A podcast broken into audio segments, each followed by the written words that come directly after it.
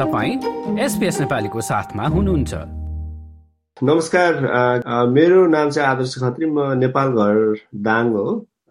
यहाँ चाहिँ म सिडनीमा बस्छु। पेसाले म आइटी प्रोफेसनल हो। अलिअलि साहित्यमा रुचि राख्छु। नमस्ते सम्पूर्णमा। मेरो नाम चाहिँ जितेन्द्र मल्ल नेपाल घर चाहिँ डोटी हाल सिडनीमा छु। गजलहरू लेख्ने गर्छु अलिअलि साहित्यमा कलम चलाउँछु। नमस्कार सबैजनालाई। म केशव शर्मा। अहिले म ब्रिस्बेनमा बस्छु।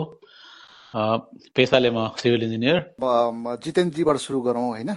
यसको यो गजल मुसायराको सुरुवात भनौँ न यसको चाहिँ नि परिकल्पना चाहिँ कहिले कसरी भयो र कार्यक्रमलाई तपाईँले कहिलेदेखि सुरु गर्नुभयो गर्नलाई अनि कन्टिन्युटी कस्तो रूपमा चलिरहेछ? गजल मुसायरा हामीले दुई हजार चौधदेखि सिडनीबाट सुरु गरेका थियौँ। गजल मुसायरको मे प्रमुख उद्देश्य भनेको सुन्ने परिपाटीको विकास अनि त्यसपछि नेपाली गजललाई सकेसम्म बढीभन्दा बढी आम मानिसहरूसम्म पुर्याउने हाम्रोमा उद्देश्य हो। यो कार्यक्रममा अहिलेसम्म हामीले सिडनीमा लगातार हरेक वर्ष गरिरहेका छौँ। त्यस्तै सिडनी बाहिर ब्रिजबेनमा केशव सरको संयोजनमा दुईचोटि भइसकेको छ। त्यस्तै एडिलेडमा भएको छ एकचोटि। अनि त्यसपछि अल्बरीमा र सिडनी बाहिर भनौँ अझ अस्ट्रेलिया बाहिर भनौँ मलेसियामा र नेपालमा एक एकचोटि हामीले मुसाएर आयोजना गरिसकेका छौँ। अनि यसमा अब भनौँ न कति वार्षिक रूपमा गर्नुहुन्छ कि दुई वर्षमा एकचोटि गर्नुहुन्छ कि? अनि सहभागिताको हिसाबले चाहिँ कति जति मान्छेहरू चाहिँ नि सहभागी भइराख्नु भएको छ अहिलेसम्म? सिडनीमा हामीले वार्षिक रूपमा गरिरहेका छौँ।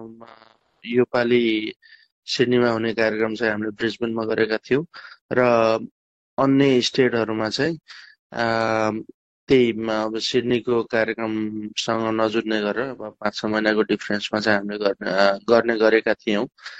त्यो चाहिँ त्यति रेगुलर हुन सकेको छैन तर सिडनीमा चाहिँ रेगुलरली नै गरिरहेका थियौँ। हरेकपल्ट हामीले दुई हजार चौधमा दसजना गजलकारबाट सुरु गरेका थियौँ किनकि गजल मुसायरामा वाचकहरू पहिले नै प्रि सिलेक्टेड हुने गर्छन्। त्यसपछि हामीले चाहिँ अब बिसदेखि पच्चिसजना वाचकहरू हुने गरेका छन्। अब हरेक प्रोग्रामहरूमा आजसम्म आइपुग्दाखेरि त्यस्तै अब गजल वाचन गायन र नृत्यको त्रिवेणी हो गजल मुसायरा जस राम्रो हुन्छ अनि अडियन्स पनि लगभग लगभग टु हन्ड्रेड प्लस नै भइरहेका हुन्छन् हाम्रो हरेक प्रोग्रामहरूमा हजुर अनि अब गजल जसले गाउनुहुन्छ जसले लेख्नुहुन्छ उहाँहरूले चाहिँ नि यदि तपाईँहरूसँग सम्पर्क गर्नु पर्यो अथवा चाहिँ तपाईँहरूको त्यो प्लेटफर्म थ्रु चाहिँ अवसर खोज्नु पर्यो भने चाहिँ कतिको सजिलो कतिको गाह्रो छ अथवा के छ प्रक्रिया चाहिँ? एकदमै सजिलो छ। हामीहरूले गजल मुसायरा कहिले हुन्छ भनेर हामीले प्रायः जसो सोसल प्लेटफर्महरू जस्तो गजल मुसायराको फेसबुक पेज छ अथवा हामीहरूको पर्सनल प्रोफाइलहरूमा पनि हामीले सेयर गर्ने गर्छौँ। र जो जो इच्छुक हुनुहुन्छ उहाँहरूले चाहिँ हामीलाई कन्ट्याक्ट गर्न सक्नुहुन्छ। त्यस्तै गजल मुसायराको नोटिसमा हामीले आफ्नो पर्सनल नम्बरहरू पनि राख्ने गरेका छौँ। गजल मुसायरा परिवारका कुनै पनि सदस्यहरू मार्फतबाट उहाँहरू आउन सक्नुहुन्छ। उहाँहरूले चाहिँ सम्पर्क गरेर इच्छुकहरूले चाहिँ हामीलाई सम्पर्क गर्न सक्नुहुन्छ। एकदमै सजिलो तरिकाले। हजुर। अब अलिकति केशवजी र आदर्शीसँग कुरा पनि गरौँ है। अब आदर्शी पेसाले चाहिँ नि आइटी प्रोफेसनल हुनुहुन्छ केशवजीले इन्जिनियरिङ पेसामा छु भनेर भन्नुभयो होइन? तपाईँहरूलाई चाहिँ नि भनौँ न अब दुइटै पेसामा चाहिँ व्यस्तता एकदमै बढी हुन्छ। त्यो बिचमा चाहिँ अब गीत गजल प्रति अथवा गजल बनाउने लेख्ने अथवा गाउने प्रति समय कसरी निकाल्नुभयो तपाईँहरूको चाहिँ नि इन्ट्रेस्ट त्यसमा कसरी जाग्यो पहिल्यैदेखि लेख्नुहुन्थ्यो कि अहिले अहिले भर्खरै आएर लेख्न सुरु गर्नुभयो कि कस्तो भयो? अब केशवजीबाट सुरु गरौँ। अब यो रुचि भन्ने कुरा हो होइन? कस्तो हुन्छ भने कुनै चिजप्रति आफ्नो लगाव भयो भने यो समय भन्ने कुरा चाहिँ मिलाउन सकिँदो रहेछ सकिन्छ जस्तो लाग्छ मलाई होइन? कतै अब अलिकति आफ्नो भनौँ पारिवारिक समयबाट समय काटेर कहिले अलिकति कमै सुतेर कहिले काहीँ होइन? अथवा अरू गर्नुपर्ने कुराहरूमा चाहिँ नगरेर पनि फाटाफुट समय निकाल्न सकिन्छ। तर यो साहित्यमा कस्तो हुन्छ भने तपाईँ समय भन्यो नि मैले समय आज दुई घन्टा छुट्याएर म एउटा गजल लेख्छु अथवा कविता लेख्छु भन्ने हुँदैन होइन? यसको एउटा चुनौ चुनौती के छ भने तपाईँ चाहिँ कुन बेला तपाईँको मनमा के फुर्छ होइन? कुन बेला मन लेख्न मन लाग्छ कुन बेला एकदम भावना धरधरती बगेर आउँछ होइन? त्यो कुनै त्यसको कुनै निश्चित समय हुँदैन होइन? कहिलेकाहीँ अब बसमा चढिरहेको बेला पनि के के कुरा मनमा आइरहन्छ होइन लेख्न मन लागिहाल्छ। कहिलेकाहीँ तपाईँको चाहिँ काम गरिरहेको बेलामा छोटो ब्रेकमा पनि के के कुरा आएर हुन्छ होइन। कहिलेकाहीँ कुनै समाचार पढ्दा अथवा समाचार हेर्दाखेरि फेरि कुनै कुनै कुराहरू आउँछ मनमा होइन। त्यस्तो बेलामा चाहिँ बसेर टिप्पण टाप्पण गर्ने र अलि पछि फुर्सदमा चाहिँ त्यसलाई अलि राम्रोसँग लेख्ने। अब त्यसरी समय मिलाउन सकिन्छ होइन। त्यो र खास गरी चाहिँ अब रुचिकै कुरा हो जस्तो लाग्छ मलाई र अलिकति आफ्नो भनौँ दिनचर्याका दिनचर्यामा अलिकति एडजस्टमेन्ट गर्नुपर्ने चाहिँ निश्चय पनि हुन्छ।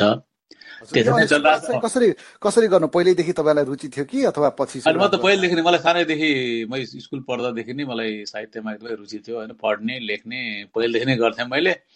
यो बिचमा तपाईँ यो पढ्ने क्रममा बाहिर बाहिर भइयो होइन? अलिकति इन्जिनियरिङ त इन्जिनियरिङ साइन्स भनेको एकदम रुखो विषय हो कि त्यो? तपाईँ जे कुरा पनि लजिक खोज्ने होइन साइन्स खोज्ने गर्दाखेरि चाहिँ अलिकति यो यो काल्पनिकताको कुराहरू चाहिँ हराउँदो रहेछ। मलाई पनि त्यो अनुभव भएको थियो बिचमा। धेरै वर्ष मैले लेखिनँ होइन पढिनँ पनि। फेरि अब यो अस्ट्रेलिया आइसकेपछि एउटा परिवेशमा होइन यहाँ आएर चाहिँ साथीहरूसँग सम्पर्क भयो कुराकानी भयो। र त्यो खालको एउटा समान रुचिने मान्छेहरू भेट्दै गर्दाखेरि फेरि मलाई रुचि बढेर मैले फेरि यो साहित्यमा चाहिँ केही लेख्ने जमर्को चाहिँ गरेको हो। हजुर।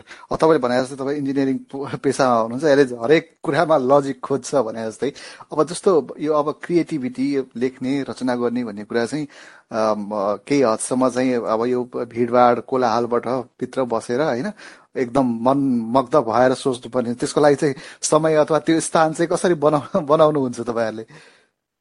यसो हुन्छ कस्तो मेरो बानी मेरो आफ्नो बानी पहिलेदेखि कस्तो भने म चाहिँ बिहान सबेरै उठ्छु होइन। एकदम सबेर धेरै सबेरै उठ्छु बिहान अनि त्यो बेलामा चाहिँ मलाई सबभन्दा आनन्द लाग्ने के हुन्छ भने तपाईँ लेख्नु मन लाग्यो भने त्यो टाइम मलाई उपयुक्त एकदम उपयुक्त टाइम हो। किनभने कतै केही हल्ला पनि हुँदैन कतै केही हुँदैन होइन? बाहिर एकदम अँध्यारो हुन्छ। त्यस्तो बेलामा चाहिँ बसेर मैले फाटाफुट्टा दुई चारवटा होइन लेख्छु त्यसरी। नत्र अरू बेलामा चाहिँ अब डिस्ट्राक्सन भएको बेलामा चाहिँ म आफू चाहिँ कन्सन्ट्रेसन कन्सन्ट्रेसनमा बस्नै सक्दिनँ होइन? त्यस्तो बेलामा चाहिँ खासै जति कोसिस गरे पनि लेख्न सकिँदैन होइन? एकदम एकदम एकान्त चाहिन्छ। त्यो मेरो एकान्त भनेको चाहिँ तपाईँ चाहिँ के अरे यो स्टडी रुममा बसेर होइन बिहान कोही घरमा कोही नउठ्दै होइन बाहिर पनि एकदमै शान्त वातावरण भएको बेलामा चाहिँ म प्रायः जस्तो लेख्ने गर्छु। हजुर आदर्शी तपाईँको चाहिँ रुचि पहिल्यैदेखि थियो सा साहित्यप्रति कि यहाँ आएर बन्यो कि कसरी सुरुवात गर्नुभयो तपाईँले चाहिँ? म पनि साहित्यप्रति त नेपालमै हुँदाखेरि स्कुलदेखि नै रुचि हो। हल्का त्यतिखेर चाहिँ हामी पत्रिकाहरूमा आफ्ना रचनाहरू छपाउँथ्यौँ। अनि पछि पछि कलेजमा गएपछि हाम्रो हवाई पत्रिकाहरू साहित्यिक हवाई पत्रिकाहरू हुन्थे होइन त्यसमा रचनाहरू छपाइन्थ्यो। तर पछि कस्तो भयो भने तपाईँको हामी अलिक व्यस्त लाइफ बढ्न थालेपछि पढाइ सकिसकेपछि चाहिँ अलिकति मैले पनि बिचमा ग्याप राखेको थिएँ केशव सरको जस्तै। धेरै नै व्यस्त भयो साथी सर्कलहरू पनि त्यति साहित्यमा रुचि नराख्ने भएपछि पनि होला बिचमा अलिकति ग्याप भयो। अनि अस्ट्रेलिया आएपछि चाहिँ फेरि अलिकति साथी सर्कलहरू चाहिँ साहित्यमा रुचि राख्नेहरूसँग भइसकेपछि अलिकति लेख्न फेरि लेख्ने मन इच्छाहरू जाग्दै गयो होइन। त्यसले गर्दाखेरिमा त्यो रुचिले गर्दाखेरिमा फेरि कन्टिन्युटी दिँदै आएको हो। तपाईँले अब टाइम चाहिँ कसरी म्यानेज गर्नुहुन्छ? तपाईँ पनि आइटी प्रोफेसनमा हुनुहुन्छ अलिकति टाइम त्यही त यो यसो रहेछ तपाईँलाई अब यो साहित्य भन्ने कुरा अघि सरले भने जस्तै बसेर लेख्छु भनेर नहुने होइन? तपाईँलाई अब विशेष गरी गीत गजलहरू चाहिँ तपाईँको कुनै पनि बेला तपाईँलाई फुर्न सक्छ होइन? तपाईँ हिँड्दै हुनुहुन्छ सिनेमा हेर्दै हुनुहुन्छ अथवा किताब पढ्दै हुनुहुन्छ अथवा कोही साथीहरूसँग गफ गर्दै हुनुहुन्छ कुनै कथा सानो कथा देख्नु भएको छ भने तपाईँलाई त्यतिखेर फुर्न सक्छ। त्यस्तो बेलामा चाहिँ मैले आफ्नो मोबाइलमा ट्याक्क सानो टिपोट जस्तो गर्छु होइन। अनि त्यसलाई पछि चाहिँ पलिस गर्दै गर्दै गर्दै गएर अनि त्यसलाई मूर्त रूप दिने हो। समय त्यस्तो धेरै समय त हुँदैन होइन। तर जस आफ्नो इच्छा भएपछि निस्किँदो रहेछ कतै न कतैबाट। थोरै समय निकालेर त्यो कन्टिन्युटी हुन्छ त्यसमा चाहिँ। तपाईँको त्यस्तो धेरै व्यस्त पनि त छैन मान्छे। अब यो तपाईँहरू तिनैजनालाई यो प्रश्न होइन अब प्रवासमा बसेर साहित्य सृजना गरिराख्दाखेरि भनौँ न अब हाम्रो नेपालमा त साहित्यको नेपालमा बसेर काम गर्दाखेरि साहित्यको चाहिँ नि भ्यालु छ त्यहाँ सुन्ने मान्छेहरू धेरै हुन्छन् त्यसको त्यो आकार बढाउन सक्ने सम्भावना पनि बढी हुन्छ। यहाँ चाहिँ अब साहित्य सिर्जना गरेर सुनाउने ठाउँ भनौँ न एउटा प्लेटफर्म त बनाइयो तर सुनाउने चाहिँ दर्शक श्रोता चाहिँ बढी भएनन् भन्ने जस्तो लाग्छ लाग्दैन कहिले काहीँ भनौँ न। अब सीमित मान्छेहरू साहित्यमा इन्ट्रेस्ट भएको मान्छेहरू पनि सीमित हुने र अब समयको अभाव हुने अब भनेको बेलामा कार्यक्रम सुरु गर्दाखेरि पनि मान्छेहरू धेरै नआउने त्यस्तो खालको समस्याहरू हुन्छ हुँदैन? कहिलेकाहीँ चाहिँ त्यस्तो लाग्नु स्वाभाविक हो तर त्यही माहौल जमाउनुको लागि नै गजल मुसारा जस्ता इभेन्ट गर्छन्। र हामीहरूले चाहिँ गजल मुसायरा त एउटा मेन इभेन्ट भइहाल्यो वर्षमा एकचोटि हुन्छ तर त्यो बिचमा पनि हामीहरूले चाहिँ इन्फर्मल जमघटहरू चाहिँ हुने गर्छन् हाम्रो। त्यहाँ चाहिँ हामीले एकअर्कालाई सुन्ने सुनाउने गर्छौँ। र गजल मुसायराको अडियन्स हेर्दाखेरि नेपालको अडियन्स भन्दा कम हुन्छ जस्तो चाहिँ लाग्दैन मलाई चाहिँ किनकि नेपालका साहित्यिक कार्यक्रमहरूमा पनि गएको छु म। त्यहाँ पनि अब हरेक प्रोग्रामहरूमा चाहिँ मान्छेहरूले समय दिनु यहाँ चाहिँ अलिकति बढी व्यस्त हुन्छ र साहित्यप्रति रुचि राख्ने अलिकति कम मान्छेहरू चाहिँ अभियसली कम मान्छे छन्। तर पनि हाम्रो गजल मुसाले चाहिँ त्यो त्यो पाटोलाई चाहिँ पुरा गरेको छ जस्तो मलाई चाहिँ मलाई चाहिँ महसुस हुन्छ। किनकि कुनै पनि साहित्यिक कार्यक्रममा दुई सयजना भन्दा बढी सुन्नको लागि मात्र आउने भनेको त्यो चाहिँ एउटा राम्रो पक्ष हो प्रवासको पनि। हजुर। आदर्शलाई चाहिँ कस्तो लाग्छ यो च्यालेन्ज जस्तो लाग्छ? अब श्रोताहरू चाहिँ बटुल्नु अथवा चाहिँ श्रोताहरूलाई सुनाउन त्यो प्लेटफर्मको प्रयोग गर्दाखेरि धेरैभन्दा धेरै श्रोताले माझ पुगोस् भन्ने चाहना सबै लेखक अथवा चाहिँ साहित्य सिर्जना गर्नेको हुन्छ। त्यो त्यो चाहिँ यहाँ सम्भव छ कि छैन? कतिको देख्नु भएको छ? मलाई चाहिँ यस्तो लाग्छ तपाईँको कार्यक्रममा पनि डिपेन्ड गर्छ होइन? हरेक मान्छेहरूको आफ्नो विचार हुन्छ। जस्तो म धेरै कार्यक्रमहरूमा किन सहभागी हुन्न भने त्यसमा हुने विभिन्न कार्यक्रमहरूका विभिन्न जुन मोडलहरू हुन्छन् तीहरूले गर्दाखेरिमा यो व्यस्ततामा त्यति धेरै टाइम स्पेन्ड गर्न सकिँदैन त्यति इन्भेस्ट गर्न सकिँदैन। त्यसले गर्दाखेरि कति कार्यक्रममा मैले जानी जानी मिस गरिराखेको हुन्छु। तर कतिपय कार्यक्रमहरू जस्तो गजल मुसायराको प्लेटफर्म हेर्नुभयो भने हाम्रो मोडल हेर्नुभयो भने हामीले कसैको समय कुनै पनि कति पनि समय बर्बाद नगरिकन सुन्न आउनेलाई सुनाउने र सुनाउन आउनेलाई सुनाउने वातावरण दिएका छौँ होइन। त्यसले गर्दाखेरिमा त्यस्तो कार्यक्रमहरू भयो भने सुन्ने मान्छेहरूलाई आफै त्यो कार्यक्रममा आउँ लाग्छ होला कि? त्यसले गर्दाखेरि हाम्रो कार्यक्रममा कहिले पनि त्यस्तो अडियन्स भएनन् भन्ने हामीलाई त्यस्तो गुन्जायस रहेको छैन। हुन त म धेरै पछिबाट जोडिएको हुँ। तर पहिलेदेखिको हिस्ट्री जितेनजीहरूले केशवजीहरूले सुनाउँदाखेरिमा हाम्रो कहिले पनि त्यस्तो हामीलाई चाहिँ गुन्जायस भयो भन्ने मैले थाहा पाएको छैन होइन। त्यही भएर कार्यक्रमको मोडलमा पनि भर पर्छ। हो सबै व्यस्त हुनुहुन्छ र त्यही व्यस्ततालाई व्यस्तताको भ्यालु सम्झिने हो भने हरेक कार्यक्रमहरूमा अडियन्स आउँछन्। धन्यवाद। अब चाहिँ अलिकति गजल सुन्नेतिर लागु कि जस्तो पनि लाग्यो। आदर्शबाट सुरु गरौँ। तपाईँको एउटा उत्कृष्ट गजल सुधाइनुहोस् न हाम्रो श्रोताहरूलाई। कहिल्यै नबोल्ने छिमेकीले शुभकामना दिएको छ। कहिल्यै नबोल्ने छिमेकीले शुभकामना दिएको छ मान्नुहोस् आज उसलाई केही न केही चाहिएको छ। कहिल्यै नबोल्ने छिमेकीले शुभकामना दिएको छ। अर्को पाँच वर्ष देशको अवस्था नफेरिने पक्का हेर्नुहोस् है अर्को अर्को पाँच वर्ष देशको अवस्था नफेरिने पक्का भयो फेरि अब्बललाई पछि छाड्दै फेरि अब्बललाई पछि पार्दै उसैलाई छानिएको छ। मान्नुहोस् आज उसलाई केही न केही चाहिएको छ। यसरी त सिमाना कसरी फर्केला र खै? यसरी यसरी त सिमाना कसरी फर्केला र खै फर्कन्न अर्को पाँच वर्ष देशको अवस्था नफेरिने पक्का भो। यसरी त सिमाना कसरी फर्केला र खै फर्कन्न साँध मिचेको आरोपहरू हामीतिरै मोडिएको छ। मान्नुहोस् आज उसलाई केही न केही चाहिएको छ। कहिल्यै नबोल्ने छिमेकीले शुभकामना दिएको छ। तिम्रा त्यागहरूको मूल्याङ्कन होला भनेर भ्रममा नपर्नु। तिम्रा तिम्रा त्यागहरूको मूल्याङ्कन होला भनेर भ्रममा नपर्नु। यहाँ बलिदान बिर्सिएको छ शालिग ढालिएको छ। अर्को पाँच वर्ष देशको अवस्था नफेरिने पक्का भो फेरि अब्बललाई पछि पार्दै उसैलाई छानिएको छ। म अन्तिम शेरमा छु। यो समाज कहिल्यै बन्दैन। हेर्नुहोस् है यो समाज कहिल्यै बन्दैन। यसको प्रमाण यस्तो छ। यो समाज यो समाज कहिल्यै बन्दैन। यसको प्रमाण यस्तो छ।